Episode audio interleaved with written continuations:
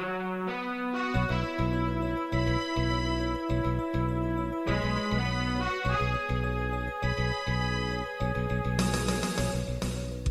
listening to Radio Free Asia. The following program is in Khmer.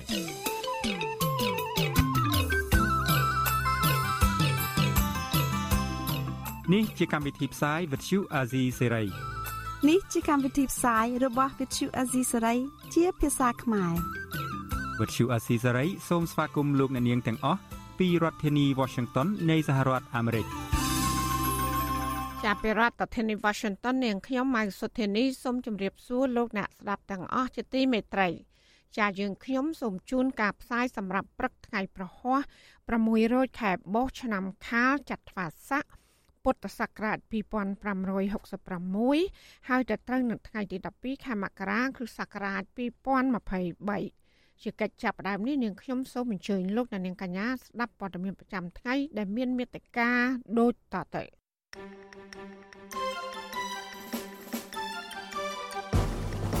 មន្ត្រីសង្គមស៊ីវិលស្នើតឡាការទម្លាក់បទចោទលើសកម្មជន ចលនាមេដាធម្មជាតិ6នាក់លោកគង្គគំប្រកាសចំហគាំទ្រគណៈបកភ្លើងទៀនដដែលទោះរងបណ្ដឹងពីគណៈបកប្រជាជនកម្ពុជា សហគមន៍មិនពេញចិត្តដំណើរកាត់ជ្រៀតដីប្រៃសហគមន៍សង់រុកវ័នជិត5000ហិកតាបរដ្ឋរងផលប៉ះពាល់ពីការសង់ផ្លូវរថភ្លើងនៅក្រុងប៉ោយប៉ែតកំពុងជួបបញ្ហាលំបាកក្នុងជីវភាពប្រចាំថ្ងៃរួមនឹងព័ត៌មានសំខាន់សំខាន់មួយចំនួនទៀត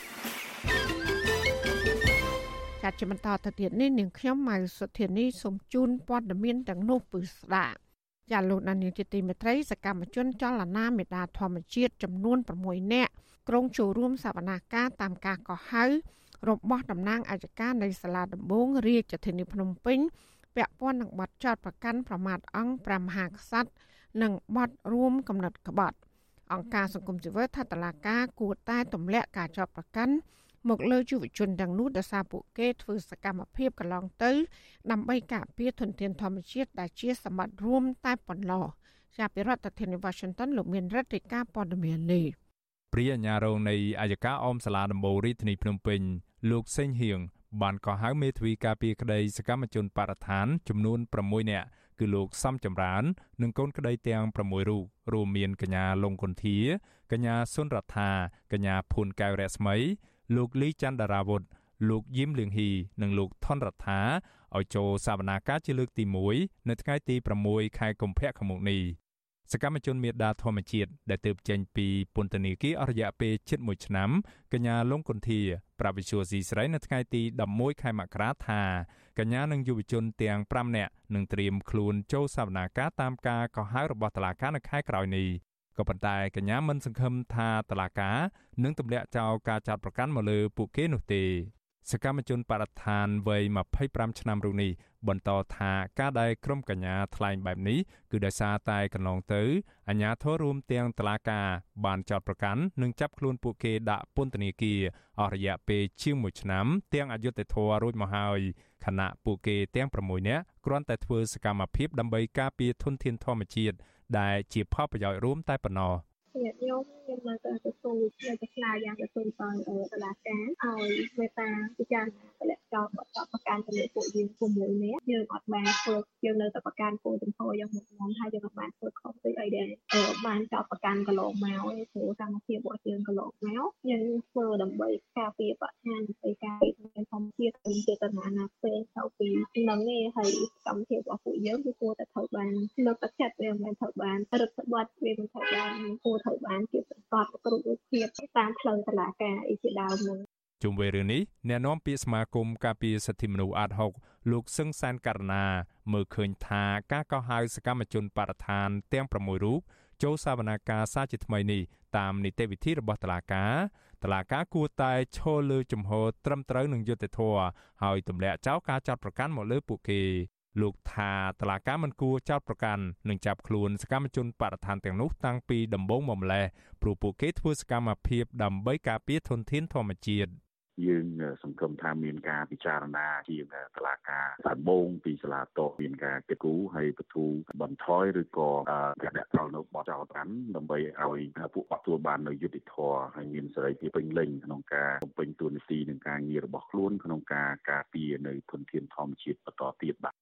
សាលាដំបូងរាជធានីភ្នំពេញបានចាត់ប្រកាន់សកម្មជនបរិស្ថានកញ្ញាសុនរដ្ឋានិងលោកយឹមលៀងហ៊ីពីបទរួមគំនិតក្បត់និងប្រមាថព្រះមហាក្សត្រចំណែកឯលោកលីចន្ទរាវុធតឡាកាបានចាត់ប្រកាន់ពីបទរួមគំនិតក្បត់និងប្រមាថអង្គព្រះមហាក្សត្រពាក់ព័ន្ធទៅនឹងការធ្វើវីដេអូឲ្យទម្លាក់ចោលការចាត់ប្រកាន់មកលើសកម្មជនបរិស្ថានកាលពីខែមិថុនាឆ្នាំ2021កន្លងទៅ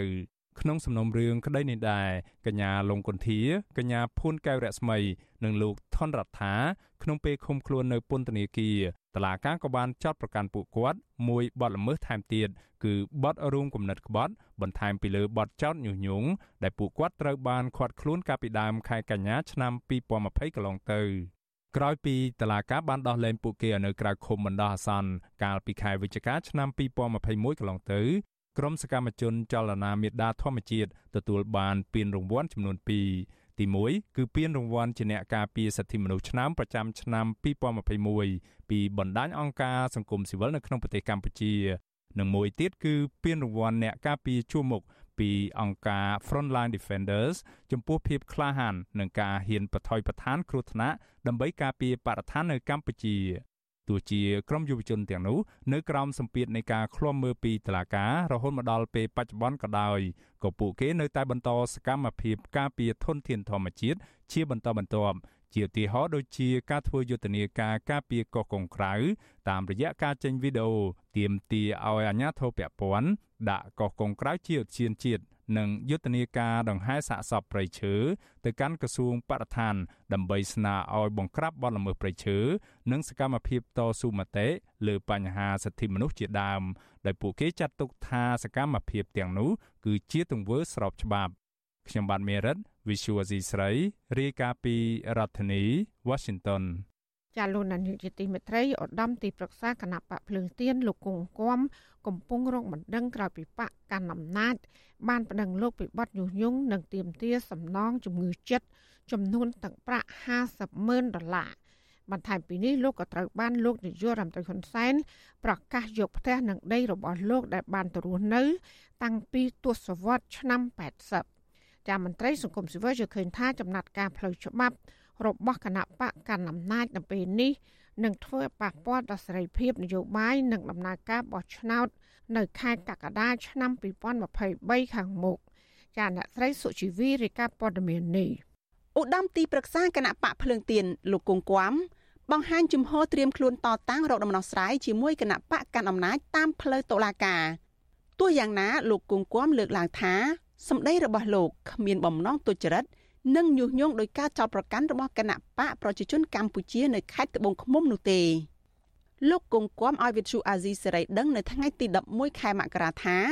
ពេលនេះលោកជួបជាមួយថ្នាក់ដឹកនាំគណៈបកភ្លើងទៀននិងកំពុងពិនិត្យមើលពាក្យប្តឹងរបស់គណៈបកប្រជាជនកម្ពុជា ដើម្បីសិក្សាថាតើពាក្យប្តឹងនេះមានទម្ងន់ប៉ុណ្ណាអ្នកនយោបាយជើងចាស់រូបនេះយល់ថាបណ្ដឹងពីគណៈបកកាន់អំណាចមកលើរូបលោកនៅពេលនេះ មិនមែនជារឿងចម្លែកចំពោះរូបលោកឡើយអឺតុលាការហើយនឹងគណៈបកកាន់អំណាចនឹងហាក់ដូចជាបានទទួលការណែនាំច្បាស់លាស់អញ្ចឹងហើយហើយប្រសាសន៍របស់សម្ដេចនាយករដ្ឋមន្ត្រីនឹងក៏លោកថាអ្វីក៏លោកធ្វើកើតដែរដូច្នេះខ្ញុំអត់មានការព្រួយបារម្ភអីទេគឺថា យើងរស់នៅក្រោមច្បាប់និងក្រោមប្រទេសដែលមានអ្នកដឹកនាំរបស់យើងអញ្ចឹងហើយបាទគណៈបកប្រជាជនកម្ពុជាខេត្តត្បូងឃ្មុំបានដាក់ពាក្យប្តឹងលោកគង់គំទៅតុលាការខេត្តនេះកាលពីថ្ងៃទី10ខែមករាដោយចោទប្រកាន់ថាសម្ដីរបស់លោកគង់គំដែលនិយាយពីដើមកំណើតរបស់គណៈបកប្រជាជនកម្ពុជាជាចេតនានៅក្នុងគោលបំណងទុច្ចរិតញុះញង់បង្កឲ្យមានភាពវឹកវរចលាចលអសន្តិសុខក្នុងសង្គម គណៈបកនេះប្តឹងទៅតុលាការសុំឲ្យការចោទប្រកាន់និងផ្តន្ទាទោសលោកគង់គំឲ្យធ្ងន់ធ្ងរបំផុត និងទាមទារជំងឺចិត្តពីលោកគង់គំជាប្រាក់ចំនួន50ម៉ឺនដុល្លារអនុប្រធានក្រុមការងារយុវជនខេត្តត្បូងឃ្មុំ លោកសេងជ័យវុឌ្ឍត្រូវបានប្រធានគណៈកម្មាធិការគណៈបកប្រជាជនកម្ពុជាខេត្តត្បូងឃ្មុំ លោកសៀកលេងប្រកល់សិទ្ធិឲ្យប្តឹងលោកគង់គួមបណ្ដឹងនេះធ្វើឡើងក្រោយពេលលោកគង់គួមថ្លែងនៅក្នុងពេលជួបអ្នកគាំទ្រគណៈបកភ្លើងទៀន នៅខេត្តត្បូងឃ្មុំកាលពីថ្ងៃទី7ខែមករាថាទ្រឹស្ដីគណៈបកប្រជាជនកម្ពុជា គឺផឹកទឹកឲ្យនឹកប្រភពជ្រកក្រមលុបឲ្យនឹកអ្នកដាំលោកគង់គួមក៏បាននិយាយបញ្ឆិតបញ្ឈៀងពីដើមកំណើតរបស់គណៈបកនេះថាមានដើមកំណើតមកពីឆ្ងាយគណៈបកប្រជាជនកម្ពុជា នៅខេត្តត្បូងឃ្មុំប្តឹងលោកគង់គួមបែបនេះក្រោយពេលលោកនាយរដ្ឋមន្ត្រីហ៊ុនសែនដែលជាប្រធានគណៈបកប្រជាជនកម្ពុជាផងនោះបានប្រមានចំចំទៅលោកគង់គួម កាលពីថ្ងៃទី9ខែមករាឲ្យបញ្ឈប់ការវាយប្រហារលើគណៈបកប្រជាជនកម្ពុជាលោកហ៊ុនសែនថែមទាំងគម្រាមកំហែងរឹបអូសផ្ទះរបស់លោកគង់គួមនិងចាត់ឲ្យក្រុមមេធាវីរបស់លោកចុះពិនិត្យភ័ស្តុតាងដើម្បីប្តឹងលោកគង់គួមជុំវិញរឿងនេះអ្នកនាំពាក្យគណៈបកប្រជាជនកម្ពុជា លោកសុកអេសាននិយាយថាទាល់តែមានភ្លើងទៅមានផ្សែងលោកសុកអេសានបន្តចោទប្រកាន់ថាសម្ដីរបស់លោកគង់គួម បានធ្វើឲ្យប៉ះពាល់ធ្ងន់ធ្ងរដល់កិត្តិយសគណៈបកប្រជាជនកម្ពុជាលោកសុកអេសានលើកឡើងទៀតថាការប្តឹងទាសំណងជំងឺចិត្តពីលោកគង់គួមប្រាក់50ម៉ឺនដុល្លារនេះគឺមិនច្រើនទេបើប្រៀបធៀបទៅនឹងកិត្តិយសរបស់គណៈបកប្រជាជនកម្ពុជាលោកបញ្ជាក់ថានៅពេលសំណុំរឿងនេះទៅដល់ដៃតុលាការរួចហើយគឺគ្មានការសម្របសម្រួលអ្វីក្រៅតែពីប្រព័ន្ធតុលាការឡើយ ខ្ញុំយល់ថា50ម៉ឺនដុល្លារមិនច្រើនដូច1លានដុល្លារទេអញ្ចឹងទេគឺថាលោកអាស្រ័យយើងកុំអល់អត្តនោម័តទាំងអស់គ្នាយើងទុកមើលសេចក្តីសម្រេចរបស់តុលាការយ៉ាងណាព្រោះការសម្រេចរបស់តុលាការផ្អែកទៅលើសំណុំរឿងផ្អែកទៅលើសាច់រឿងផ្អែកទៅលើពិរុទ្ធភាពធ្ងន់ស្រាលឬក៏មធ្យមតកតងនឹងដំណើរការប្តឹងនេះដែរអ្នកនាំពាក្យសាលាដំបងខេត្តត្បូងឃ្មុំលោកថេងជាង ប្រាប់សារព័ត៌មានក្នុងស្រុកថា តុលាការបានទទួលពាក្យប្តឹងនេះរួចហើយនៅថ្ងៃទី11ខែមករានាយកទទួលបន្ទុកកិច្ចការទូតនៃអង្គការលីកាដូលោកអំសំអាតយល់ថាបណ្ដឹងនេះនឹងបង្កឲ្យមានការរិះគន់ថាជាការប៉ះពាល់ដល់លំហសេរីភាពនយោបាយនៅមុនការបោះឆ្នោតមន្ត្រីសិទ្ធិមនុស្សរូបនេះស្នើទៅអ្នកនយោបាយជាពិសេសបកកាន់អំណាចថាគួរតែមានការយោគយល់អធិស្ឋាននិងគួរដោះស្រាយបញ្ហាដោយការជជែកគ្នា ទៀតបរិយាកាសល្អហើយដើម្បីឲ្យការបោះឆ្នោតជាតិខាងមុខហ្នឹងគេទទួលស្គាល់ថាសេរីត្រឹមត្រូវទៅទៀតលោកគង់គំជាមន្ត្រីជាន់ខ្ពស់របស់គណៈបកភ្លើងទៀនទី2បន្ទាប់ពីអនុប្រធានគណៈបកភ្លើងទៀនគឺលោកសុនឆៃដែលត្រូវបានគណៈបកប្រជាជនកម្ពុជាប្តឹងពីបទបរិហាគេនិងទាមទារសំណងជំងឺចិត្តលុយ1លានដុល្លារលោកគង់គំយល់ព្រមទទួលយកការដាស់តឿនរបស់លោកយមត្រីហ៊ុនសែនដោយលោកថា លោកនឹងប្រុងប្រយ័ត្នជាងមុននៅពេលបញ្ចេញសារនយោបាយណាមួយលោកគង់គំចង់ឃើញមានការបើកលំហប្រជាធិបតេយ្យការគោរពសិទ្ធិសម្ដែងមតិដើម្បីការបោះឆ្នោតនៅក្នុងឆ្នាំ2023ខាងមុខប្រកបដោយភាពត្រឹមត្រូវយុត្តិធម៌និងគ្មានការធ្វើទុកបុកម្នេញទៅលើគណៈបកនយោបាយក្រៅរដ្ឋាភិបាលដើម្បីអាចឲ្យមានសម្លេងពហុបកនៅក្នុងរដ្ឋសភាឡើងវិញដែលស្របទៅតាមរដ្ឋធម្មនុញ្ញនិងស្មារតីនៃកិច្ចព្រមព្រៀងសន្តិភាពទីក្រុងប៉ារីសនាងខ្ញុំសុជីវី វិទ្យុអាស៊ីសេរីពីរដ្ឋធានី Washington ចាលោកនាងជាទីមេត្រីតកតងនឹងជំហរនយោបាយវិញ អ្នកនយោបាយជើងចាស់លោកគង្គគំអះអាងថាលោករក្សាជំហរមិនផ្លាស់ប្ដូរទៅចូលរួមជាមួយនឹងគណៈបកកណ្ដាលអំណាចរបស់លោកនាយករដ្ឋមន្ត្រីហ៊ុនសែននោះឡើយបើទោះបីជាលោករងការគំរាមកំហែងគៀបសង្កត់ធ្វើទុកបុកម្នេញនឹងការរំអូសទ្រព្យសម្បត្តិយ៉ាងណាក៏ដោយខ្ញុំស្រឡាញ់ របបប្រជាធិបតេយ្យសេរីពហុបកហ្នឹងទោះបីនៅជាគណៈបកប្រឆាំងរហូតអញ្ចឹងក៏បានដែរគឺថាខ្ញុំមិនបានបដូរទៅគ្រប់គ្រងគណៈបកប្រជាជនកម្ពុជាដើម្បីកម្មសិទ្ធិហើយដើម្បីរួចខ្លួនអីទាំងអស់នោះទេបាទ បើទោះបីយ៉ាងណាក៏ដោយការប៉ុនប៉ងរឹបអូសដីធ្លីនិងផ្ទះរបស់លោកគង់គំដែលមានទីតាំងនៅលោលេខ71តាមបណ្ដោយផ្លូវសធារស់នៅក្នុងសង្កាត់តលេបអាសាទំនងគឺជារឿងដែលលោកនាយករដ្ឋមន្ត្រីហ៊ុនសែនត្រូវតែធ្វើឲ្យខាងតែបានបើទោះបីជាលោករំលោភច្បាប់ភូមិបាលហើយដែលធានាកម្មសិទ្ធិរបស់ពលរដ្ឋបានកាន់កាប់អាស្រ័យផលស្របច្បាប់ក៏ដោយ ជាក់ស្ដែងលោកនាយករដ្ឋមន្ត្រីហ៊ុនសែនបានទុកពេលឲ្យលោកគង់គំរយៈពេល1ខែចាប់ពីថ្ងៃទី11ខែមករានេះតទៅ ដើម្បីឲ្យលោកគង់គំប្រកួតដីដែលលោកហ៊ុនសែនអះអាងថាជាកម្មសិទ្ធិរបស់ក្រសួងការបរទេសត្រឡប់ទៅឲ្យម្ចាស់ដើមវិញលោកហ៊ុនសែនថែមទាំងបង្ខំដាក់កំហិតឲ្យលោកគង់គំប្រកួតដីនេះបើមិនចង់មានផលវិបាកកើតចេញពីបណ្ដឹងនិងសកម្មភាពទាំងឡាយតាមផ្លូវច្បាប់ លោកនាយករដ្ឋមន្ត្រីហ៊ុនសែនបានសរសេរនៅលើ Facebook កាលពីយប់ថ្ងៃទី11ខែមករាដោយលើកហេតុផល ថាលោកគង្គំមិនបានថ្នើសុំកម្មសិទ្ធិដីធ្លី នៅពេលដែលចូលទៅរស់នៅលើដីនោះ គឺគ្រាន់តែជូនដំណឹងទៅលោក ហើយដែលកាលនោះលោកជារដ្ឋមន្ត្រីក្រសួងការបរទេសហេតុនេះហើយទីតាំងនោះនៅតែជាកម្មសិទ្ធិរបស់ក្រសួងការបរទេសលោកហ៊ុនសែនថែមទាំងចោទលោកគង្គំថាបានបន្លំយកធ្វើជាកម្មសិទ្ធិឯកជន ទោះជាយ៉ាងនេះក្តីលោកគង្គំអះអាងថាលោកមានវិញ្ញាណប័ណ្ណបត្របញ្ជាក់កម្មសិទ្ធិដីធ្លីឬប្លង់រឹងកាន់កាប់ដីស្របច្បាប់ក្រោយពេលដែលលោកបានចូលទៅរស់នៅ និងកាន់កាប់នៅលើផ្លូវសុធារស់តាំងពីឆ្នាំ1982 តកតងនឹងការកាន់កាប់អាស្រ័យផលនិងកម្មសិទ្ធិដីធ្លីនេះច្បាប់ភូមិបាលឆ្នាំ2001មាត្រា30ចែងថាបុគ្គលទាំងឡាយដែលបានអាស្រ័យផលនៃភូកៈដោយសន្តិវិធីនិងមិនមានការជំទាស់ចាប់តាំងពី5ឆ្នាំយ៉ាងតិចគិតត្រឹមថ្ងៃមានច្បាប់នេះលើអចលនវត្ថុដែលមានលក្ខណៈត្រឹមត្រូវតាមច្បាប់ក្នុងការកាន់កាប់ជាឯកជន គឺមានសិទ្ធិស្នើសុំកម្មសិទ្ធិស្ថាពរ thank you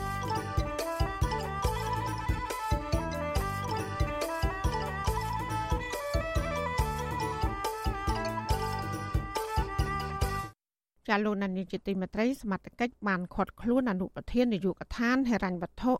និងផ្គត់ផ្គង់ក្រសួងសង្គមគិច្ចលោកឡាយសំណាង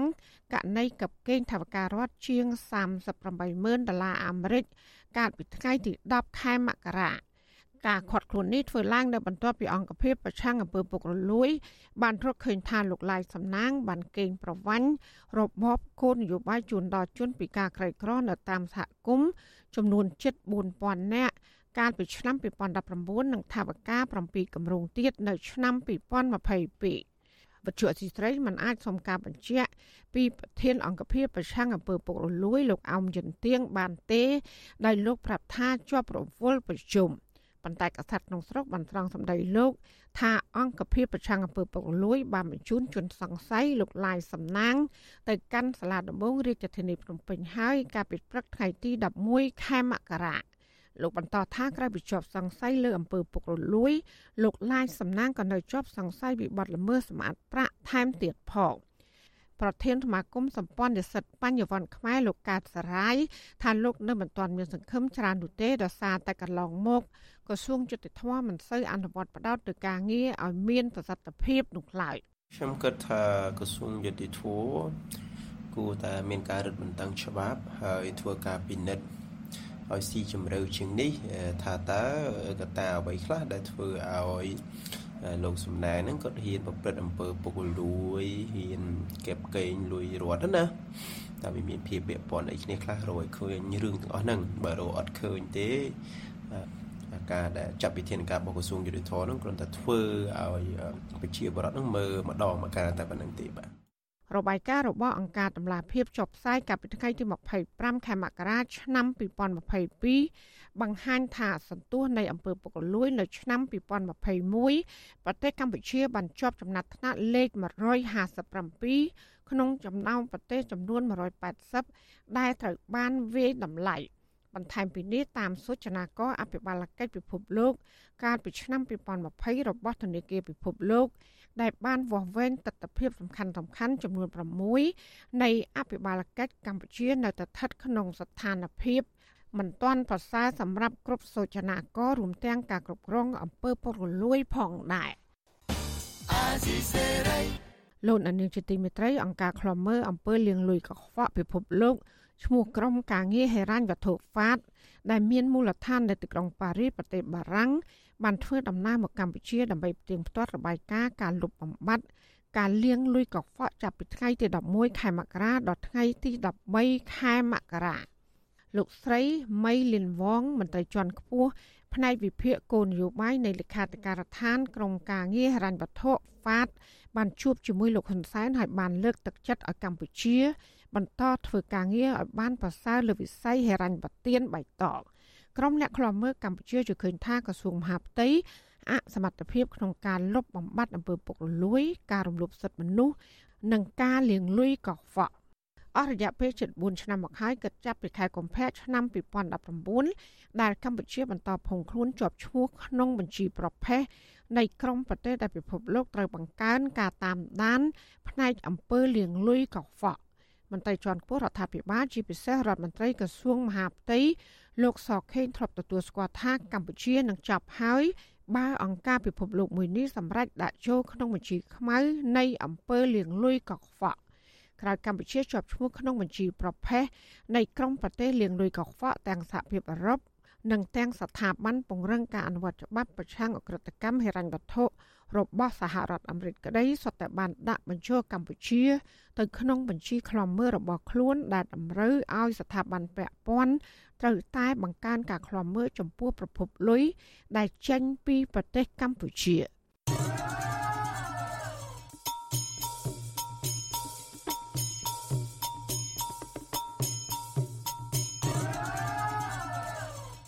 ចាលោកដានីជាទីមេត្រីក្រុមអ្នកវិភាគលើកឡើងថាមេដឹកនាំផ្ដាច់ការរៀនពីគ្នាទៅវិញទៅមក អំពីការប្រាស្រ័យអំណាចគៀបសង្កត់ដៃគូប្រកួត ដើម្បីពង្រឹងអំណាចរបស់ខ្លួន។ពួកគេលើកឡើងថាមេដឹកនាំសឹកភូមាមិនខុសពីមេដឹកនាំកម្ពុជានោះឡើយចាសសេចក្តីរាយការណ៍ពុស្ដាអំពីរឿងនេះលោកដានៀងក៏នឹងបានស្ដាប់នាពេលបន្តិចទៀតនេះចាសសូមអរគុណ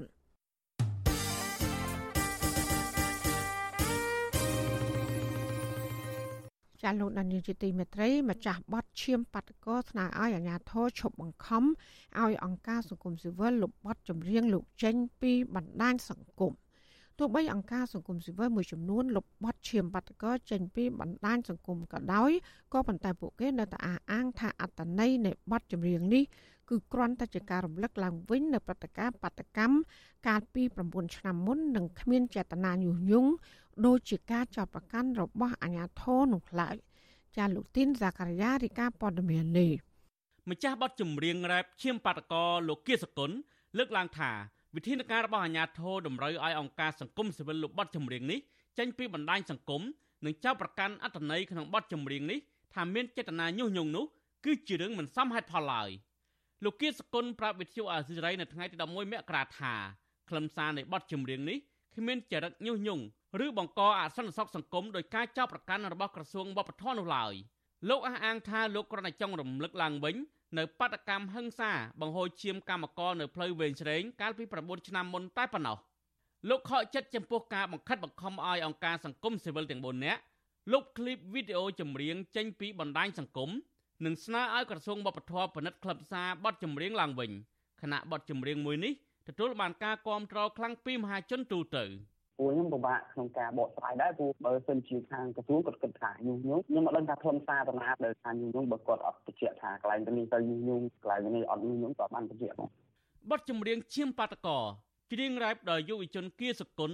រៀបរាប់ពីការប៉ះទង្គិចគ្នាដោយហិង្សាធ្ងន់ធ្ងររវាងអាជ្ញាធរនិងក្រុមបាតកោដែលជាកម្មកររោងចក្រក្នុងព្រឹត្តិការណ៍បាតកម្មតវ៉ាទាមទារប្រាក់ខែគោល160ដុល្លារក្នុងមួយខែ នៅផ្លូវវែងស្រីនៅរោងចក្រយ៉ាជីងកាលពីដើមឆ្នាំ2014ក្នុងคลิปវីដេអូចម្រៀងប្រមាណជា4នាទីបានបង្ហាញពីសកម្មភាពកងកម្លាំងចម្រុះប្រដាប់ដោយខែលដំបងនិងអាវុធវាយដំនឹងបាញ់រះលើវងបាតករហូតដល់មានការបង្ហូរឈាមបណ្ដាលឲ្យមនុស្សស្លាប់4នាក់របួសជិត40នាក់បាត់ខ្លួនម្នាក់និងមានមនុស្ស23នាក់ត្រូវអាជ្ញាធរចាប់ខ្លួនពីបទបង្កហិង្សានិងបំផ្លិចបំផ្លាញទ្រព្យសម្បត្តិដោយចេតនា ក្រោយពីការបង្ហោះវីដេអូបទចម្រៀងឈាមបាតកោក្នុងពិធីរំលឹកខួបព្រឹត្តិការណ៍បាញ់ប្រហារនៅផ្លូវវែងស្រេងបាន4ថ្ងៃរដ្ឋមន្ត្រីក្រសួងវប្បធម៌និងវិចិត្រសិល្បៈនៅស្រីភឿងសកលណាកាលពីថ្ងៃទី7មករាបានស្នើទៅអគ្គស្នងការនគរបាលជាតិលោកណេតសាវឿនឲ្យចាត់វិធានការទប់ស្កាត់ការផ្សព្វផ្សាយបទចម្រៀងឈាមបាតកោដែលចោទថាបទចម្រៀងនេះមានខ្លឹមសារអុចអាលញុះញង់អាចបង្កអសន្តិសុខស្ដាប់ធ្នាប់ដល់សង្គម ភ្លាមភ្លាមក្រោយពីមានសំណើរបស់ក្រសួងវប្បធម៌នេះមានមន្ត្រីអង្គការសង្គមស៊ីវិលចំនួន4រូបត្រូវបានស្នងការនគរបាលរាជធានីភ្នំពេញក៏ហៅទៅសាកសួរស្ដីពីការបង្ហោះឃ្លីបវីដេអូគាំទ្របទចម្រៀងនេះជាបន្តបន្ទាប់ក្នុងនោះរួមមាននាយកទទួលបន្ទុកកិច្ចការទូតនៃអង្គការលីកាដូលអំសំអាតដែលបានជួលបំភ្លឺនៅថ្ងៃទី9មករាចំណែកនាយកប្រតិបត្តិនៃមជ្ឈមណ្ឌលសម្ព័ន្ធភាពការងារនិងសិទ្ធិមនុស្សហៅកាត់ថាសង្ត្រលលោកមឿនដុល្លារ និងប្រធានសមាគមប្រជាធិបតេយ្យអាយក្រិចនៃសេដ្ឋកិច្ចក្រៅប្រព័ន្ធលោកវ៉ុនពៅបានចូលបំភ្លឺនៅថ្ងៃទី10មករាដោយឡែកប្រធានសម្ព័ន្ធសមាគមសហគមន៍កសិករកម្ពុជាលោកថេងសាវឿនបានស្នើសុំពន្យាពេលចូលបំភ្លឺនៅថ្ងៃទី17មករាខាងមុខជុំវិញនឹងរឿងនេះអ្នកនាំពាក្យស្នងការនគរបាលរាជធានីភ្នំពេញលោកសានសុកសីហាលើកឡើងថាអ្នកចម្រៀងនិងអង្គការសង្គមស៊ីវិលគួរតែពិនិត្យទៅលើខ្លឹមសារបទចម្រៀងជាមុនមុននឹងយកមកផ្សព្វផ្សាយ ដោយលោកអះអាងថាដើម្បីជៀសវាងធ្វើឲ្យប៉ះពាល់ដល់សន្តិសុខស្នាប់ធ្នាប់សង្គមទោះជាយ៉ាងណាលោកបញ្ជាក់ថាការអនុវត្តនីតិវិធីនេះធ្វើឡើងតាមការស្នើសុំរបស់ក្រសួងវប្បធម៌ប៉ុន្តែលោកមិនបានបញ្ជាក់ពីឃ្លានៅក្នុងបទចម្រៀងដែលលោកចោទថាជាការញុះញង់នោះឡើយ។ ខ្ញុំអត់ detail លើបញ្ហាហ្នឹងឯងព្រោះខ្ញុំអត់មានវិភាគអីលើបញ្ហាហ្នឹងអញ្ចឹងគាត់ថាយើងមើលលិខិតមើលហើយយើងមើលវីដេអូលើហ្នឹងទៅយើងអាចវិតម្លៃដឹងហើយលើលិខិតផុសខាងក្រសួងវប្បធម៌ក៏អាចបញ្ជាក់លើបញ្ហាហ្នឹង detail ថាតើការសំណើសុំមកអគ្គស្នងការឋាននគរបាលជាតិក្នុងការចាត់ធានការហ្នឹងវាមានលក្ខណៈមិនដែរណាបាទអញ្ចឹងយើងមើល detail លើហ្នឹងទៅបានក្រោយការជុលបំភ្លឺនឹងរងការប្រមានពីស្នងការរាជធានីភ្នំពេញមន្ត្រីអង្គការសង្គមស៊ីវិលទាំងនោះបានយល់ព្រមលុបឃ្លីបវីដេអូបទចម្រៀងនោះចេញពីបណ្ដាញសង្គម និងគេហទំព័ររបស់ខ្លួនទាំងបង្ខំចិត្តពួកគេអាងថាខ្លឹមសារពិតនៃបទចម្រៀងគ្រាន់តែជាការរំលឹកពីបាតកម្មនាគ្រានោះនិងស្នើសុំឲ្យអាជ្ញាធរបើកការស៊ើបអង្កេតលើករណីនេះឡើងវិញឲ្យបានច្បាស់លាស់និងតម្លាភាព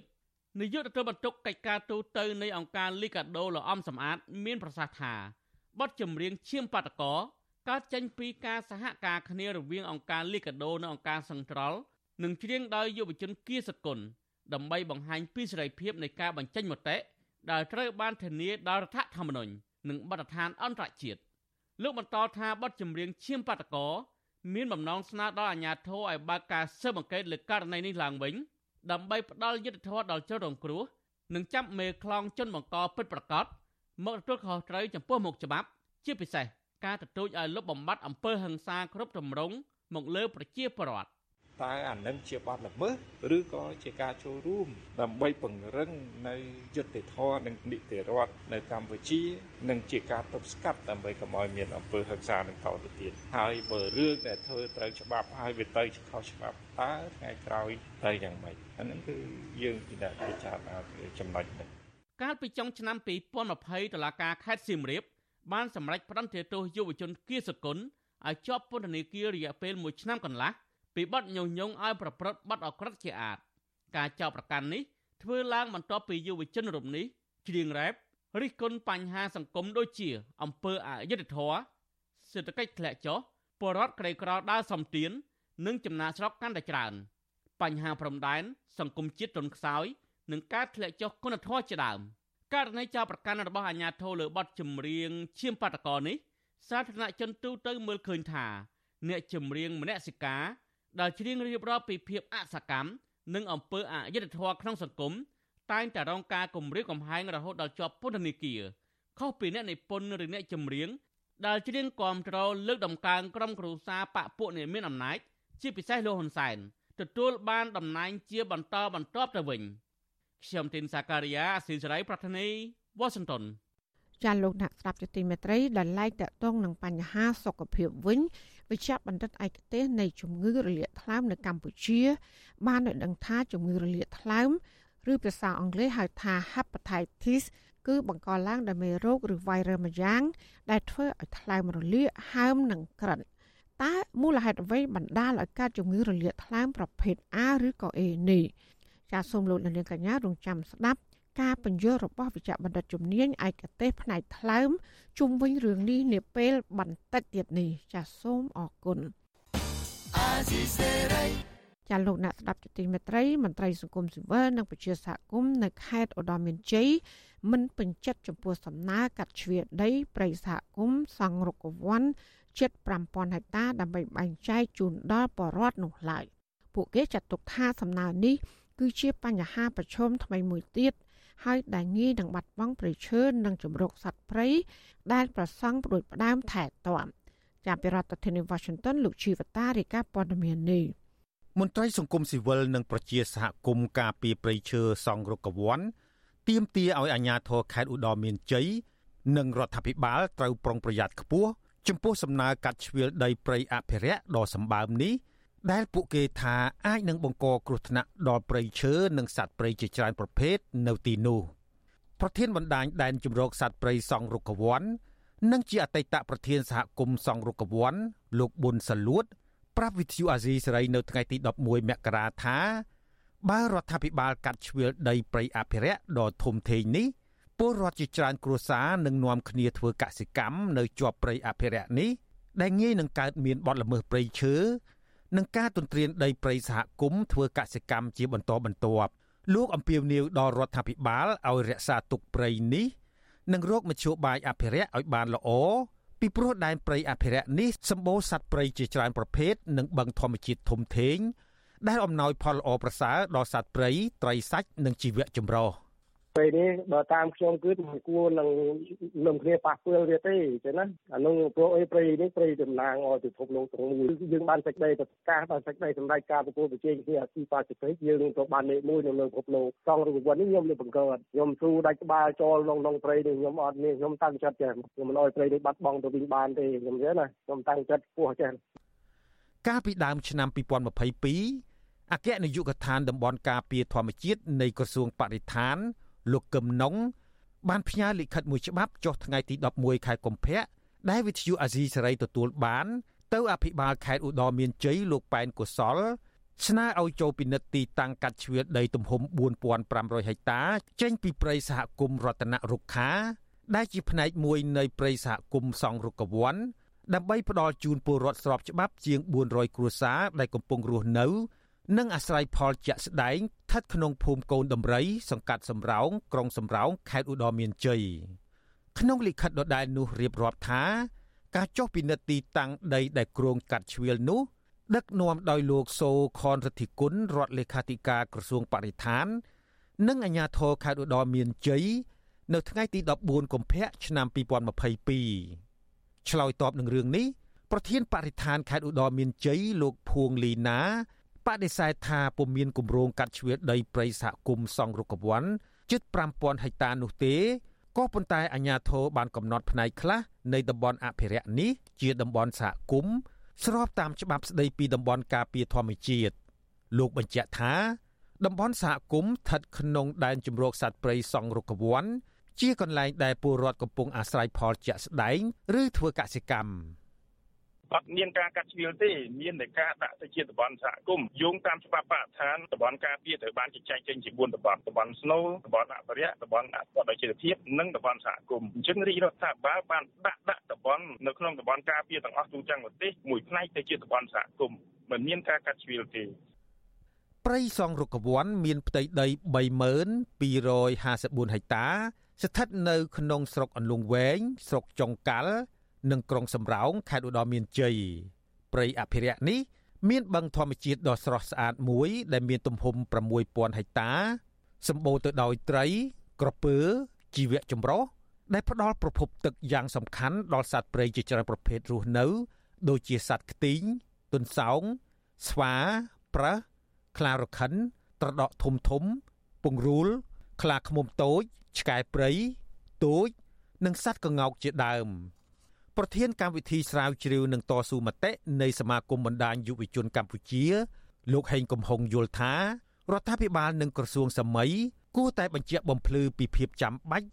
ថាហេតុអ្វីបានជាមានសំណើកាត់ជ្រៀតតំបន់អភិរក្សដ៏ធំធេងនេះលោកបញ្ជាក់ថា ក្រសួងបរិស្ថានត្រូវបង្ហាញរបាយការណ៍វិនិច្ឆ័យនិងលទ្ធផលពិគ្រោះយោបល់ជាមួយសហគមន៍នៅតំបន់នោះមុនពេលសម្រេចចិត្តកាត់ជ្រៀល រដ្ឋគួរតែពិចារណាជាពិសេសក្រសួងបរិស្ថាននិងរាជរដ្ឋាភិបាលត្រូវធ្វើការពិចារណាដែរកន្លែងខ្លះហ្នឹងទើបតែបង្កើតហ្នឹងវាមិនមានការខូចខាតអីធ្ងន់ធ្ងរទេដែលគួរតែពិចារណាក្នុងការដាក់ជាតំបន់ចំណែកសកម្មជនការពីបរិស្ថានលោកហេងស្រស់បារម្ភថាប្រសិនបើសំណើកាត់ជ្រៀលនេះលេចចេញជារូបរាងភាពមិនប្រក្រតីជាច្រើននឹងផុសឡើងនៅថ្ងៃខាងមុខដែលនឹងគម្រាមកំហែងធ្ងន់ធ្ងរដល់សវត្ថិភាពព្រៃឈើនិងសត្វព្រៃ ដែលប្រសង់នឹងពលរដ្ឋខិតខំថែទាំលោកស្នើឲ្យក្រសួងបរិស្ថានផ្ដល់លទ្ធភាពឲ្យពលរដ្ឋសកម្មជនបរិស្ថាន និងភាគីពាក់ព័ន្ធចូលរួមសម្រេចចិត្តលើបញ្ហានេះមុននឹងការកាត់ខ្ជិលដីទៅឲ្យសហគមន៍ក៏ដូចជាកាត់ខ្ជិលដីទៅឲ្យជនណាមួយគួរតែសិក្សាស្រាវជ្រាវឲ្យបានច្បាស់លាស់ដើម្បីធ្វើការកំណត់ក៏ដូចជាទប់ស្កាត់កុំឲ្យមានការបាត់បង់គម្របព្រៃឈើបន្តទៅទៀតកាលពីឆ្នាំ2018 រដ្ឋាភិបាលនិងក្រសួងបរិស្ថានបានដាក់បញ្ចូលព្រៃសហគមន៍នេះជាតំបន់ការពារដែនជម្រកសត្វព្រៃសង់រុក្ខវ័នដោយច្របាច់បញ្ចូលព្រៃសហគមន៍ចំនួន2ចូលគ្នា គឺព្រៃសហគមន៍រតនរុក្ខា និងព្រៃសហគមន៍រុក្ខវ័នហើយបានបដិញ្ញាថែរក្សានឹងការពារព្រៃនេះជាដែនអភិរក្សគំរូមួយនៅកម្ពុជា ប្រជាសហគមន៍ឲ្យដឹងថា បច្ចុប្បន្នមានមន្ត្រីបរិស្ថានជាង20នាក់បានពង្រាយកម្លាំងឈរជើងព័ទ្ធជុំវិញព្រៃហើយប្រជាសហគមន៍ជិត100នាក់មន្ត្រីយោធាជាង10នាក់និងអាជ្ញាធរភូមិឃុំរួមទាំងប្រសង់ផង កំពុងសហការគ្នាផ្ដល់ព័ត៌មាន និងទប់ស្កាត់បទល្មើសព្រៃឈើគ្រប់រូបភាព។លើសពីនេះ ប្រជាសហគមន៍និងអាជ្ញាធរបានជីកប្រឡាយហុំព័ទ្ធជុំវិញព្រៃ សម្រាប់បានជាង80%ហើយដើម្បីបិទគប់មិនឲ្យមានការដឹកឈើចេញពីតំបន់នោះខ្ញុំជីវិតាអាស៊ីសេរីចាលោកអ្នកស្ដាប់ទទីមេត្រីនៅឯខេត្តបន្ទាយមានជ័យអនុវិញប្រជាពលរដ្ឋដែលរស់នៅតំបន់រងផលប៉ះពាល់ពីការសាងសង់ផ្លូវរថភ្លើងនៅសង្កាត់ផ្សារកណ្ដាលត្អូញត្អែថាពួកគេជួបការលំបាកក្រោយដែលអាជ្ញាធរខេត្តនេះមិនបានដោះស្រាយដីនិងប្រាក់សំណងដល់ពលរដ្ឋ រួចក៏យកដីនោះលក់បន្តឲ្យព្យាយាមគម្រាមកំហែងមិនឲ្យពលរដ្ឋតវ៉ាថែមទៀតផងជាមន្ត្រីសង្គមស៊ីវិលយល់ឃើញថាអាជ្ញាធរពាក់ព័ន្ធគួរតែយកចិត្តទុកដាក់នៅពេលដែលប្រជាពលរដ្ឋលើកឡើងពីបញ្ហា ហើយនឹងតម្រូវការដើម្បីជួយសម្រួលដល់ការរស់នៅរបស់ប្រជាពលរដ្ឋចាលោកជាតិចំណាននៃការព័ត៌មាននេះប្រជាពលរដ្ឋដែលរងផលប៉ះពាល់ពីការធ្វើផ្លូវរថភ្លើងនៅក្រុងប៉ោយប៉ែតលើកឡើងថា ក្រោយពីអាជ្ញាធរខេត្តបន្ទាយមានជ័យមិនដោះស្រាយបញ្ហាប្រាក់គោលនយោបាយនឹងដីជាថ្នូរក្នុងការរុះរើផ្ទះចេញពីតំបន់ដែលរងផលប៉ះពាល់ដល់ពលរដ្ឋនោះពួកគាត់ជួបទុក្ខលំបាកជាខ្លាំងក្នុងជីវភាពរស់នៅប្រចាំថ្ងៃពួកគាត់អះអាងថាដីដែលត្រូវចែកដល់គ្រួសាររងគ្រោះត្រូវបានអាជ្ញាធរខុបខិតគ្នាលក់អស់ហើយពលរដ្ឋរស់នៅក្នុងសង្កាត់ផ្សារកណ្ដាលលោកឆេងប៊ុនហាក់ប្រាប់វិសុអស៊ីស្រីនៅថ្ងៃទី11ខែមករាថាលោកសពថ្ងៃធ្វើការមួយថ្ងៃសម្រាប់ហូបមួយថ្ងៃហើយនៅពេលដែលលោកទៅទាមទារឲ្យអាជ្ញាធរ ដោះស្រាយប្រាក់គោលនយោបាយប្រជាពលរដ្ឋរងផលប៉ះពាល់ពីការសង់ផ្លូវរថភ្លើងគឺអាជ្ញាធរមិនដោះស្រាយឲ្យនោះទេលោកថាម្ដាយរបស់លោកបានទទួលបង្កាន់ដៃដោះស្រាយគោលនយោបាយហើយតវ៉ាតាំងពីនៅរស់រហូតដល់ស្លាប់នៅតែមិនទទួលបានប្រាក់សំណងលោកអំពីវនីវដល់ក្រសួងមហាផ្ទៃបង្កើតគណៈកម្មការអធិការកិច្ចចោះស្រាវជ្រាវភាពមិនប្រក្រតីនៃអាជ្ញាធរក្រុងប៉ោយប៉ែតនិងរដ្ឋបាលខេត្តបន្ទាយមានជ័យដែលពាក់ព័ន្ធនឹងរឿងនេះ។ នោះអាពិបាកហ្នឹងវាហួសពិបាកទៀមទាតាំងពីម្ដាយខ្ញុំនៅរស់ហើយដល់ឥឡូវដល់ម្ដាយខ្ញុំគាត់ស្លាប់បាត់ទៀតអាហ្នឹងជារបស់ហ្នឹងជារបស់ម្ដាយខ្ញុំហ៎បងយើងរត់ម៉ូតូអីរត់អីខ្លះទៅធ្វើកម្មករអីទៅរកមួយថ្ងៃហូបមួយថ្ងៃបងសំណុំពរឲ្យក្រសួងមហាផ្ទៃបង្កើតក្រុមការងារអធិការកិច្ចដើម្បីស៊ើបអង្កេតអំពើពុករលួយនៅក្នុងហ្នឹងហើយរឿងការមិនសុខចិត្តការតវ៉ាទៀមទាខ្ញុំនៅតែតវ៉ាទៀមទាព្រោះអីនេះជារបស់របស់ម្ដាយរបស់ខ្ញុំហើយអ្នកណាក៏គេដឹងដែរសូម្បីតែទនី KB ឬមួយក៏អន្តរក្រសួងក៏គេដឹងដែរប៉ុន្តែអ្នកដែលមិនអោយខ្ញុំគឺវាមានមន្ត្រីថ្នាក់ក្រោមដែលកាងដាច់ដីនឹងស្រដៀងគ្នានេះដែរពលរដ្ឋម្នាក់ទៀតលោកស្រីហាក់ស្រីមុំដែលរស់នៅសង្កាត់ផ្សារកណ្ដាលថ្លែងថាជីវភាពគ្រួសាររបស់លោកស្រីរកបានមួយថ្ងៃសម្រាប់ហូបតែមួយថ្ងៃប៉ុណ្ណោះពិសេសការចំណាយទៅលើការរៀនសូត្ររបស់កូនកូនលោកស្រីថាអាញាធររើសអើងគ្រួសារលោកស្រីដោយកន្លងមកគ្រួសារលោកស្រីតែងតែទាមទារប្រាក់សំណងនិងដីគោលនយោបាយដែលមន្ត្រីគប់ខិតគ្នាយកទៅលក់ ឲ្យពលរដ្ឋផ្សេងចែកប្រាក់គ្នាចាយអស់លោកស្រីថាគ្រួសារលោកស្រីជួបការលំបាកក្នុងជីវភាពខ្លាំងក្រោយអាជ្ញាធរមិនព្រមផ្ដល់ប្រាក់សំណងនិងដីជូនពួកគាត់ហើយការតវ៉ាកន្លងមកនេះធ្វើឲ្យប្តីរបស់លោកស្រីគ្មានពេលវេលាគ្រប់គ្រាន់ទៅប្រកបរបរចិញ្ចឹមជីវិតនោះឡើយ។ ទុកលំបាកនោះលំបាកធំហ្មងបងព្រោះអីយើងអត់ដីនៅហើយនៅតាមផ្លូវរថភ្លើងហ្នឹងវាមានការពិបាកខ្លាំងដូចថាគេចង់តែដេញយើងចេញពីផ្លូវរថភ្លើងហ្នឹងទៀតចឹងណាហើយអារបស់នៃខ្ញុំនៃថ្នាក់លើគេដោះស្រាយឲ្យមកការសាមុនហ្នឹងអត់បានទេគេយកទៅចែកគ្នាអស់ហើយរើទៅក៏មិនដឹងថាទៅដាក់កន្លែងណាបងបើសិតតែដីគេទាំងអស់ហើយវាយើងអត់មានលទ្ធភាពទិញចឹងអញ្ចឹងចេះតែទ្រាំនៅចឹងទៅទ្រាំនៅតាមផ្លូវរថភ្លើងហ្នឹងឯងហើយផ្លូវក៏អត់វាពិបាកខ្លាំងបណ្ដោយហើយណាកូនរៀនផងហើយណាមួយយើងរមកថ្ងៃហូបមួយថ្ងៃកាលណាដោះដូរទីកន្លែងមួយទៅកន្លែងមួយទៀតវាពិបាកបងយើងអត់មានលុយដើរយើងអត់មានលុយដោះស្រាយពលរដ្ឋរងផលប៉ះពាល់ពីការសង់ផ្លូវរថភ្លើងភ ieck ច្រើនជាកម្មករក្រីក្រហើយពួកគាត់លើកឡើងដូចដូចគ្នាថាសោកស្ដាយដែលអាជ្ញាធរមិនព្រមបើកប្រាក់សំណងឲ្យពួកគាត់ហើយដីដែលពួកគាត់រស់នៅក៏មិនបានទទួលពួកគាត់បដិញ្ញាបន្តនាំគ្នាទាមទារប្រាក់គោលនយោបាយនឹងដីដោះដូរប្រសិនបើអាជ្ញាធរនៅតែគ្មានដំណោះស្រាយសមរម្យបើតាមគោលនយោបាយដោះស្រាយកន្លងមក គឺពលរដ្ឋរងផលប៉ះពាល់ពីការសង់ផ្លូវរថភ្លើងក្នុងមួយគ្រួសារអាចទទួលបានប្រាក់សំណងជាង1000ដុល្លារនិងដីឡូទំហំ7ម៉ែត្រគុណ15ម៉ែត្រនៅក្រោយវត្តផ្សារកណ្ដាលក្រុងប៉ោយប៉ែតវិសុអស៊ីសេរីមិនអាចតាក់ទងแนะនាំពាក្យសាលាខេត្តបន្ទាយមានជ័យលោកសេកសុខុមនិងប្រធានសូរិយោដីក្រុងប៉ោយប៉ែតដើម្បីសុំការអធិប្បាយជំនួយរឿងនេះបានទេនៅថ្ងៃទី11ខែមករាដោយទូរស័ព្ទចូលតែគ្មានអ្នកទទួលពលរដ្ឋឲ្យដឹងថាដីរបស់ពួកគាត់មានការឈូសឆាយ ទំនងត្រូវបានអាជ្ញាធរគប់ខិតគ្នាយកលក់ចែកគ្នាហើយគាត់ទទួលដំណឹងថាដីមួយចំនួនទៀតនៅមិនទាន់លក់នៅឡើយទេជាមួយរឿងនេះអ្នកសម្របសម្រួលអង្គការលីកាដូខេត្តបន្ទាយមានជ័យលោកផុនឈិនមានប្រសាសន៍ថារដ្ឋាភិបាលបានប្រកាសបិទកញ្ចប់គម្រោងដោះស្រាយប្រាក់ចំណងដល់ពលរដ្ឋទៅហើយប៉ុន្តែពលរដ្ឋមួយចំនួនមិនទទួលសំណងនិងដីទើបមានការតវ៉ាជាបន្តបន្ទាប់ លោកថាពលរដ្ឋដែលរស់នៅក្បែររថភ្លើងប្រឈមបញ្ហាលំបាកច្រើនពិសេសការចិញ្ចោលនិងការប្រកបរបរចិញ្ចឹមជីវិតលោកបន្តថាការរស់នៅក្បែរផ្លូវរថភ្លើងមិនសូវមានសុវត្ថិភាពនោះទេពិសេសក្មេងៗហើយពលរដ្ឋមួយចំនួនទៀតធ្វើដំណើរតាមផ្លូវរថភ្លើងជារឿងមួយដែលអាជ្ញាធរត្រូវយកចិត្តទុកដាក់ពីហានិភ័យផ្សេងៗៗ គាត់អាចនាំយកការលំបាកហ្នឹងតាមរយៈការដាក់ជាពាក្យស្នើសុំទៅអាជ្ញាធរមូលដ្ឋានឬក៏ទៅសាលាក្រុងអីដើម្បីឲ្យគាត់ធ្វើការពិនិត្យពិច័យដោះស្រាយទៅលើបញ្ហាហ្នឹងណាមួយទៀតបើសិនជាក្នុងករណីខាងអាជ្ញាធរមូលដ្ឋានគាត់បានទទួលនៅការសំណូមពរទាំងអស់ហ្នឹងហើយគាត់គួរតែធ្វើការដោះស្រាយទៅបើព្រោះករណីខ្លះយើងគិតថាវាជាដំណោះស្រាយដែលអាចធ្វើបានចំពោះមុខដូចជាការដោះស្រាយជួយសម្រួលការធ្វើជាផ្លូវដើម្បីឲ្យពួកគាត់អាចមានច្រកចេញចូលបានព្រោះថាគឺពួកគាត់បានតាំងទីលំនៅទីនឹងរួចទៅហើយផ្លូវចេញចូលអីឲ្យវាមានលក្ខណៈស្រួលបួនតិចទៅដើម្បីជួយសម្រួលដល់ពួកគាត់ឲ្យពួកគាត់អាចរស់នៅដែលមានសុវត្ថិភាពប្រជាពលរដ្ឋដែលរងផលប៉ះពាល់ពីការសាងសង់ផ្លូវរថភ្លើងនៅក្រុងប៉ោយប៉ែតប្រមាណ50គ្រួសារធ្លាប់ទៅទាមទារឲ្យអាជ្ញាធរក្រុងនិងមន្ត្រីពាក់ព័ន្ធឲ្យជួយដោះស្រាយជាង100លើកមកហើយតែគ្មានដំណោះស្រាយនោះទេក្នុងនោះ មានតំណាងអ្នកតវ៉ាមួយចំនួនត្រូវបានសមត្ថកិច្ចចាប់ឃុំខ្លួនដោយចោទប្រកាន់ថាពួកគាត់តវ៉ាអូសរូបទីងមងបង្កភាពអនាធបត័យក្នុងសង្គមពួកគាត់ក៏ធ្លាប់ដាក់ញត្តិទទូចទៅអភិបាលក្រុងថ្មីដើម្បីដោះស្រាយសំណងជូនពួកគាត់ដែរប៉ុន្តែនៅតែគ្មានដំណោះស្រាយពលរដ្ឋនិងមន្ត្រីសង្គមស៊ីវិលទទូចដល់រដ្ឋាភិបាលពិសេសក្រសួងមហាផ្ទៃគួរបង្កើតគណៈកម្មការដាច់ដライមួយពីអាជ្ញាធរដោយពិនិត្យនិងរកដំណោះស្រាយទាក់ទងនឹងការត្អូញត្អែរពីប្រាក់សំណងនិងដីរបស់ពលរដ្ឋដើម្បីឲ្យពួកគាត់មានប្រាក់ដោះស្រាយជីវភាព និងបានដីសង់លំនៅថ្មីសមរម្យខ្ញុំបាទចិត្តចំណាន Visual Assisray ប្រធានាទី Washington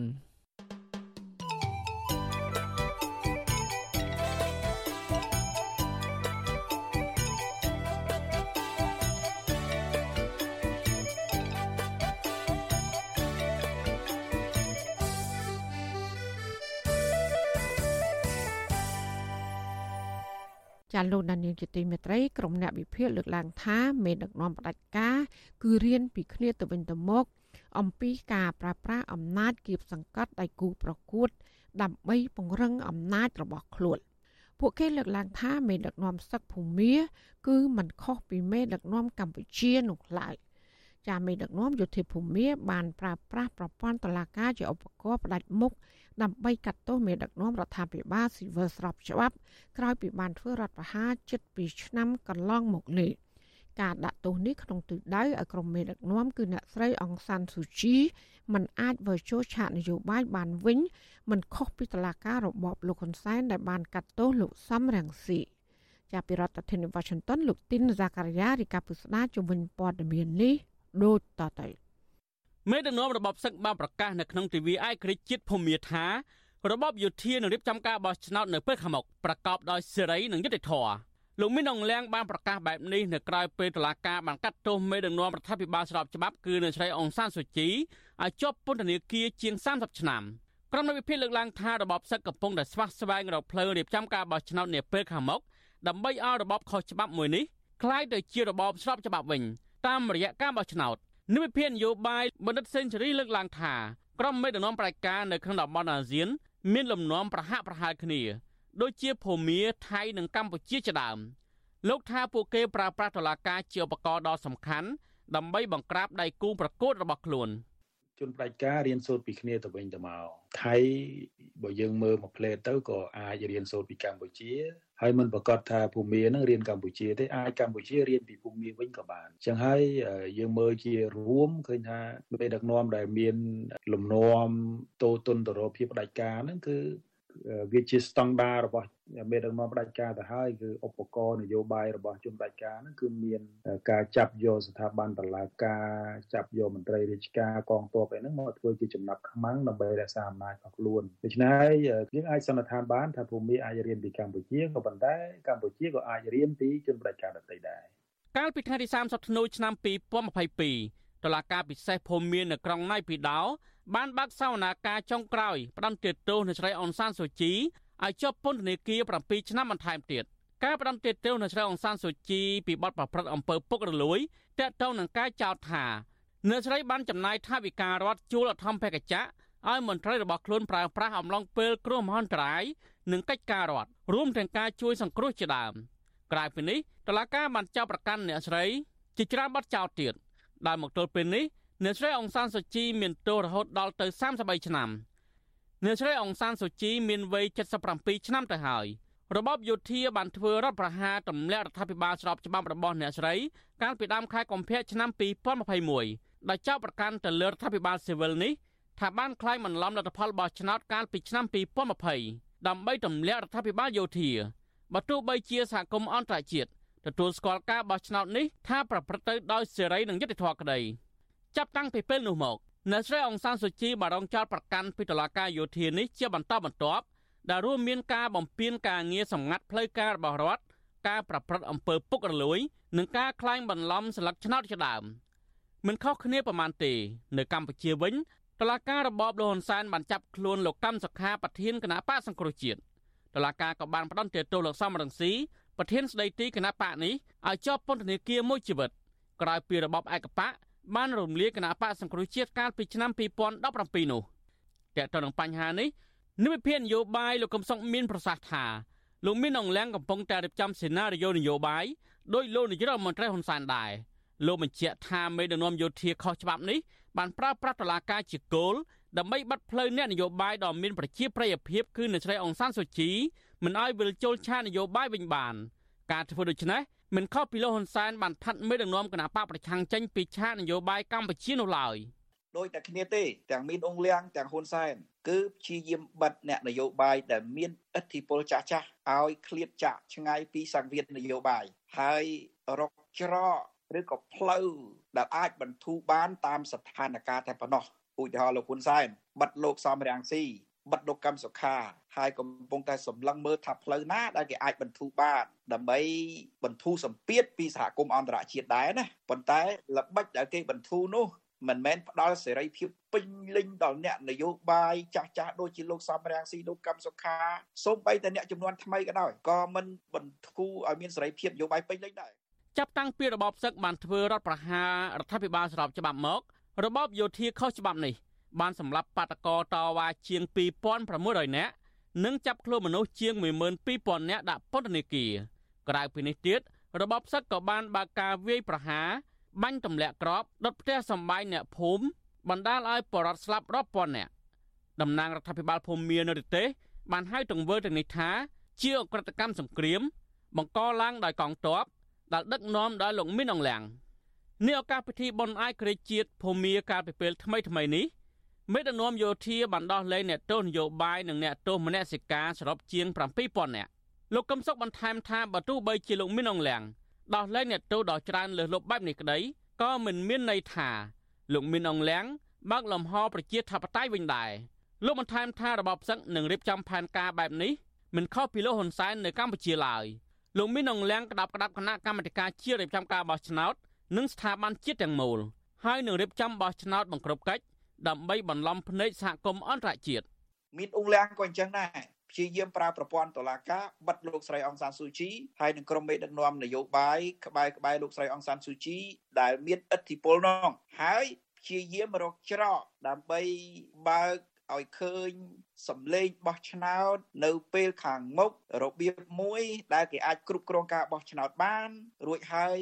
គេទៅកាន់អំណាចបំភាន់ថាតាមរយៈការបោះឆ្នោតអញ្ចឹងទៅ ជារបៀបដូចគ្នាដែលលោកហ៊ុនសែនកំពុងធ្វើនៅប្រទេសកម្ពុជាទោះបីជាយ៉ាងនេះក្តីរបបសឹកមិនទាន់បានបង្ហាញពេលវេលាជាក់លាក់អំពីការរៀបចំការបោះឆ្នោតនេះនៅឡើយទេ នៅស្របពេលលោកមីនអងលៀងបានដាក់ប្រទេសស្ថិតនៅក្នុងភាពអាសន្នជិត2ឆ្នាំទៅហើយនោះរដ្ឋធម្មនុញ្ញភូមាឆ្នាំ2008បានកំណត់ឲ្យដាក់ប្រទេសនៅក្នុងភាពអាសន្នបានតែ2ឆ្នាំប៉ុណ្ណោះ ការដាក់ប្រទេសនៅក្នុងភាពអាសន្ននេះគឺនឹងអស់សុពលភាពនៅចុងខែមករានេះនិវិភាលើកឡើងថាបើទោះបីជារបបសឹករៀបចំការបោះឆ្នោតនៅពេលខាងមុខបានជោគជ័យក៏ដោយប្រសិនបើអ្នកស្រីអនសានសូជីនៅតែបន្តជាប់ឃុំហើយមិនអាចវិលជុលឆាននយោបាយបានវិញនោះរបបសឹកក៏មិនអាចរក្សាស្ថិរភាពនយោបាយបានយូរអង្វែងដែរទោះជាយ៉ាងណាកម្ពុជានិងភូមាមានភាពខុសប្លែកគ្នាត្រង់ការចេញតវ៉ារបស់មហាជន នៅកម្ពុជា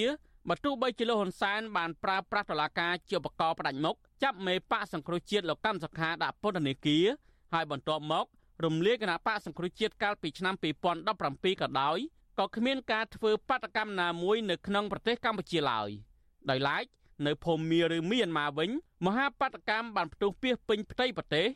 ក្រោយពីមេរដ្ឋប្រហារយោធាទម្លាក់រដ្ឋាភិបាលស្របច្បាប់និងចាប់អ្នកស្រីអង្សានស៊ូជីដាក់ពន្ធនាគារនោះ ខ្ញុំទីនសាការីយ៉ាអស៊ីសេរីប្រធានីវ៉ាស៊ីនតោន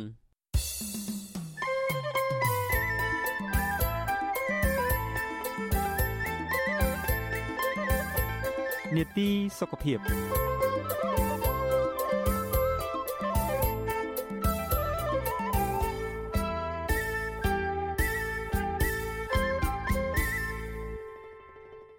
លោកដានៀងកញ្ញាកំពុងស្ដាប់ការផ្សាយរបស់វិទ្យុអសីស្រីផ្សាយចេញពីរដ្ឋធានី Washington វិជ្ជបណ្ឌិតឯកទេសនៃជំងឺរលាកថ្លើមនៅកម្ពុជាឲ្យដឹងថាជំងឺរលាកថ្លើមឬភាសាអង់គ្លេសហៅថា hepatitis គឺបង្កឡើងដោយមេរោគឬ virus ម្យ៉ាង ដែលធ្វើឲ្យថ្លើមរលាកហើមនិងក្រិននៅពេលដែលថ្លើមរលាកឬខូច គឺវានាំឲ្យប៉ះពាល់ដល់មុខងារដ៏សំខាន់របស់ថ្លើម គឺច្រោះជាតិពុលចេញពីក្នុងឈាម និងបង្កើតសារធាតុចិញ្ចឹមសម្រាប់រាងកាយជាដើមចាប្រជាប្រដ្ឋខ្មែរភាគច្រើនកើតជំងឺរលាកថ្លើមប្រភេទ A B និង C តើមូលហេតុអ្វីបណ្ដាលឲ្យកើតជំងឺរលាកថ្លើមប្រភេទ A ចានៅក្នុងនីតិសុខភាពប្រចាំសប្តាហ៍នេះនាងខ្ញុំសូមរាយការណ៍ជូនពុស្ដាជំវិញរឿងនេះដូចតទៅ ក្រុមគ្រូពេទ្យជំនាញសុខភាពឲ្យដឹងថាជំងឺរលាកថ្លើមប្រភេទ A ឬ A គឺជាជំងឺឆ្លងតាមរយៈការប៉ះពាល់ដោយផ្ទាល់ជាមួយអ្នកជំងឺឬតាមរយៈការបរិភោគម្ហូបអាហារឬទឹកដែលមានផ្ទុកមេរោគវិធីសាស្ត្រដ៏ល្អបំផុតដើម្បីការពារការឆ្លងមេរោគនេះគឺត្រូវរស់នៅអនាម័យស្អាតល្អនិងត្រូវចាក់ថ្នាំចំនួន2ដូសដើម្បីបង្ការជំងឺរលាកថ្លើមប្រភេទ A នេះ។ គ្រូពេទ្យឯកទេសថ្លើមនិងម្ចាស់ clinic វឌ្ឍនវិទ្យាលោកវិជ្ជបណ្ឌិតភីវសរ៉ែនមានប្រសាសន៍ប្រាប់បច្ចុប្បន្នស៊ីស្រីថាមូលហេតុដែលនាំឲ្យកើតជំងឺថ្លើមប្រភេទ A នេះគឺបណ្ដាលមកពីការរស់នៅគ្មានអនាម័យដូចជាការបរិភោគម្ហូបអាហារនិងទឹកមិនស្អាតដែលនាំឲ្យឆ្លងវីរុសលោកថានៅប្រទេសកម្ពុជា ការប្រើជីលាមកឬការបន្ទោបង់គ្មានបង្គន់អនាម័យត្រឹមត្រូវ និងការទទួលទានទឹកឬបន្លែមិនស្អាត ដែលមានមេរោគនោះហើយគឺជាមូលហេតុចម្បង ដែលនាំឲ្យឆ្លងនឹងកើតជំងឺរលាកថ្លើមប្រភេទ A នេះលោកបន្តថាអ្នកកើតជំងឺរលាកថ្លើមប្រភេទ A នេះគឺស្ទើរតែទាំងអស់អាចជាសះស្បើយឡើងវិញ ហើយមួយជីវិតរបស់ពួកគេ គឺมันអាចឆ្លងនឹងកើតម្ដងទៀតឡើយបាទប្រភេទ A ពាក់ព័ន្ធមួយអនាម័យពាក់ព័ន្ធមួយអនាម័យព្រោះមេរោគប្រភេទ A ហ្នឹងវាខុសពីប្រភេទ B ប្រភេទ C គឺឆ្លងតាមការហូបចុកតាមទឹកចេញពីអ្នកជំងឺទឹកលងីដូចជា ទឹកមាត់ញើសអីហើយនឹងមេរោគហ្នឹងវានៅលើបន្លែនៅលើចំណីចំណុកអីអញ្ចឹងណាអញ្ចឹងវាវាអាចឆ្លងប៉ុន្តែប្រភេទ A ហ្នឹងវាជាប្រភេទផ្លែមួយដែលមានតម្រង់90%ជាតម្រង់ស្រួចស្រាយមានន័យថាយើងឆ្លងតែរយៈពេលមួយអាទិត្យទៅពីរអាទិត្យ ព័ន្ធការពាររាងកាយយើងហ្នឹងប្រយុទ្ធមួយមេរោគហ្នឹងក៏ឈ្នះមេរោគហ្នឹងក៏ជាទៅអ្នកខ្លះឆ្លងអត់ដឹងខ្លួនផងរោគសញ្ញាស្តៀងហ្នឹងផ្ដាសាយអីចឹងណាហើយក៏ជាទៅវិញទៅហើយវាមានភាគរយតិចតួចបំផុតដែលវាអាចធ្វើឲ្យរលាកថ្លើមបានទៅជាទម្រង់ធ្ងន់ធ្ងរបានណាថ្លើមគឺជាសរីរាង្គដ៏ចាំបាច់ដែលមិនអាចខ្វះបានសម្រាប់ការរស់រានមានជីវិត ថ្លើមមានមុខងារសំខាន់សំខាន់ជាច្រើនរួមមានលាងសម្អាតឈាម និងបណ្ដេញជាតិពុលចេញពីក្នុងឈាម បង្កើតទឹកប្រមាត់ដើម្បីជួយរំលាយជាតិខ្លាញ់និងយកកាកសំណល់ចេញ ជាកន្លែងរក្សាទុកវីតាមីននិងជាតិដែកគ្រប់គ្រងកម្រិតជាតិស្ករនៅក្នុងឈាម បង្កើតសារធាតុចិញ្ចឹមជួយដល់ដំណើរការអេម៉ូក្លូប៊ីនអាំងស៊ូលីននិងអុកម៉ូនដទៃទៀត ដែលរាងកាយរបស់មនុស្សត្រូវការព្រមទាំងជួយកម្ចាត់ នៅកោសិកាឈាមក្រហមចាស់ចាស់ចេញដោយបញ្ចេញចោលក្រៅខ្លួនតាមរយៈទឹកម៉ូតនិងលាមកជាដើមគេហទំព័រអង្គការសុខភាពពិភពលោកបង្ហាញថាមនុស្សភាគច្រើនដែលកើតនឹងឆ្លងជំងឺរលាកថ្លើមប្រភេទ A គឺមិនបង្ហាញរោគសញ្ញាអ្វីឡើយក៏ប៉ុន្តែមានករណីខ្លះក្រោយពីមានផ្ទុកវីរុសនៅក្នុងខ្លួន រយៈពេលចន្លោះពី2ទៅ3សប្តាហ៍ហើយ ទើបបង្ហាញរោគសញ្ញាខ្លះៗក្នុងនោះរួមមានគ្រុនក្តៅអស់កម្លាំងមិនសូវឃ្លាន ចង់ក្អួតឬក្អួតឈឺពោះរាករូសលាមកដោពណ៌ឈឺសន្លាក់ដៃជើង និងស្បែកឡើងលឿងជាដើមប្រភពដដែលបន្តថាមនុស្សពេញវ័យចេញរោគសញ្ញាជំងឺនេះញឹកញាប់ជាងកុមារហើយក្រុមមនុស្សចាស់វិញ គឺស្ថានភាពជំងឺច្រើនតែវិវត្តធ្ងន់ធ្ងរលោកវិជ្ជបណ្ឌិតភីវសរ៉ែនដែលជាសមាជិក នៃសមាគមសិក្សាពីជំងឺថ្លើមនៅសហរដ្ឋអាមេរិកដែរនោះ មានប្រសាសន៍បន្តថាប្រជាពលរដ្ឋនៅទ្វីបអាស៊ីរួមទាំងនៅកម្ពុជាផងច្រើនកើតជំងឺថ្លើមប្រភេទ A B និង C លោកថាជំងឺរលាកថ្លើមទាំង3ប្រភេទនេះគឺមានលក្ខណៈខុសៗគ្នាហើយការឆ្លងនិងការព្យាបាលវិញក៏ខុសគ្នាដែរលោកបញ្ជាក់ថាចំពោះជំងឺថ្លើមប្រភេទ A គឺអាចជាសះស្បើយដល់ខ្លួនឯងមិនចាំបាច់ព្យាបាលនោះឡើយ ក៏ប៉ុន្តែប្រភេទ B និង C វិញ គឺជាជំងឺថ្លើមដែលតម្រូវឲ្យធ្វើតេស្តជាមុនសិនមុនទទួលសេវាព្យាបាលពីគ្រូពេទ្យបាទជំងឺថ្លើមប្រភេទ B វាពុំមានរោគសញ្ញាច្បាស់លាស់ឲ្យយើងដឹងទេអាហ្នឹងវាជាជំងឺស្ងៀមស្ងាត់ហើយយើងអាចដឹងតាមរយៈការធ្វើតេស្តឈាមតែមុខមុខទេបានអាចដឹងច្បាស់បាទគឺខុសគ្នាវាមានរោគថ្លើម B ហើយនិងថ្លើមប្រភេទ C ហ្នឹង វាខុសត្រង់អាពូជហ្នឹងតែម្ដងបាទវាខុសពូជធម្មជាតិវាមកវាវាខុសគ្នាយ៉ាងម៉េចមានតែការធ្វើតេស្តនៅមន្ទីរវិសោធន៍ទេបានគេញែកឲ្យដឹងថាអាណា3អាណាផ្សេងអញ្ចឹងណាបាទជំងឺប្រភេទ3ហើយនិងប្រភេទផ្សេងហ្នឹងគឺអត់មានរោគសញ្ញាដូចគ្នាលោកវិជ្ជបណ្ឌិតឯកទេសថ្លើមរូបនេះមានប្រសាសន៍បន្តថាដើម្បីបង្ការការឆ្លងជំងឺថ្លើមប្រភេទ A គឺត្រូវចាក់វ៉ាក់សាំងពីរដូសសម្រាប់មនុស្សគ្រប់គ្រប់គ្នា ចំណែកឯកុមារចាប់ពីអាយុ1ឆ្នាំឡើងទៅ គឺអាចចាក់បានហើយដូសទី2គឺត្រូវចាក់រយៈពេល6ខែបន្ទាប់ពីបានចាក់ដូសដំបូងបន្ថែមពីនេះលោកវិជ្ជបណ្ឌិតក៏បានផ្ដល់ដំបូន្មានឲ្យប្រជាពលរដ្ឋទម្លាប់រស់នៅអនាម័យស្អាតល្អលាងសម្អាតដៃមុនបរិភោគអាហារនិងក្រោយចូលបង្គន់ឬក៏បន្ទោបង់ចំណែកម្ហូបអាហារវិញត្រូវចម្អិនឲ្យឆ្អិននិងបរិភោគទឹកដាំពុះជាដើម បាទចំពោះប្រភេទអីសម្រាប់ការការពារហ្នឹងជាពិសេសហ្នឹងការអនាម័យដៃហើយមាត់ទូនគូតនឹងឯងពីព្រោះអីចំពោះអ្នកក្រីក្រយើងពេលដែលយើងហូបចុកហ្នឹងថាបន្លែប្លុកហ្នឹងលាងសម្អាតទៅហើយបើថាយើងចំអិនយើងចំអិនឲ្យឆ្អិនល្អអញ្ចឹងណាបាទអនាម័យប្រគុណអនាម័យនៅតាមប្រទេសអីអីហ្នឹងថា ព្រមមិនលាងសម្អាតទៅពីព្រោះមេរោគអីហ្នឹងវាឆ្លងតាមចំណីអញ្ចឹងបើមិនជាគាត់ចូលប្រទេសទឹកប្រគុណអីចឹងគាត់មិនបានលាងសម្អាតឲ្យបានស្អាតទេដៃគាត់ហ្នឹងគាត់ទៅចាប់កាន់លបលបហើយទៅចុកបាយកូនឬមួយក៏កាន់នេះកាន់នោះវាអាចឆ្លងអញ្ចឹងអានឹងផ្ដោតសំខាន់ទៅលើអនាម័យហ្នឹងសិនបងបាទ របាយការណ៍របស់អង្គការសុខភាពពិភពលោកឲ្យដឹងដែរថា ប្រទេសក្រីក្រនឹងកំពុងអភិវឌ្ឍដែលគ្មានអនាម័យក្នុងការរស់នៅ និងការទទួលទានទឹកនិងម្ហូបអាហារមិនស្អាត បណ្ដាលឲ្យកើតជំងឺថ្លើមប្រភេទ A នេះច្រើនណាស់ជាពិសេសគឺកុមារអាយុក្រោម10ឆ្នាំប្រមាណជា90%កើតជំងឺរលាកថ្លើមប្រភេទ A នេះហើយជំងឺនេះអាចផ្ទុះរីករាលដាលខ្លាំងបើសិនបើគ្មានវិធានការទប់ស្កាត់ទាន់ពេលវេលា អង្គការសុខភាពពិភពលោកក៏បានអំពាវនាវដល់បណ្ដាប្រទេសក្រីក្រនិងកំពុងអភិវឌ្ឍបង្កើនវិធានការការពារចាំបាច់មួយចំនួន ដោយផ្ដល់សេវាព្យាបាលទៅដល់សហគមន៍ផ្គត់ផ្គង់ទឹកស្អាតនិងសុវត្ថិភាព គ្រប់គ្រងប្រព័ន្ធទឹកលូនិងកាកសំណល់នានាឲ្យបានត្រឹមត្រូវផ្សព្វផ្សាយនិងអប់រំប្រជាពលរដ្ឋទូទៅឲ្យយល់ច្បាស់ពីអត្ថប្រយោជន៍សម្រាប់ការរស់នៅ ប្រកបដោយផាសុកភាពព្រមទាំងផ្ដល់សេវាចាក់ថ្នាំវ៉ាក់សាំងការពារជាពិសេសដល់កុមារជាដើម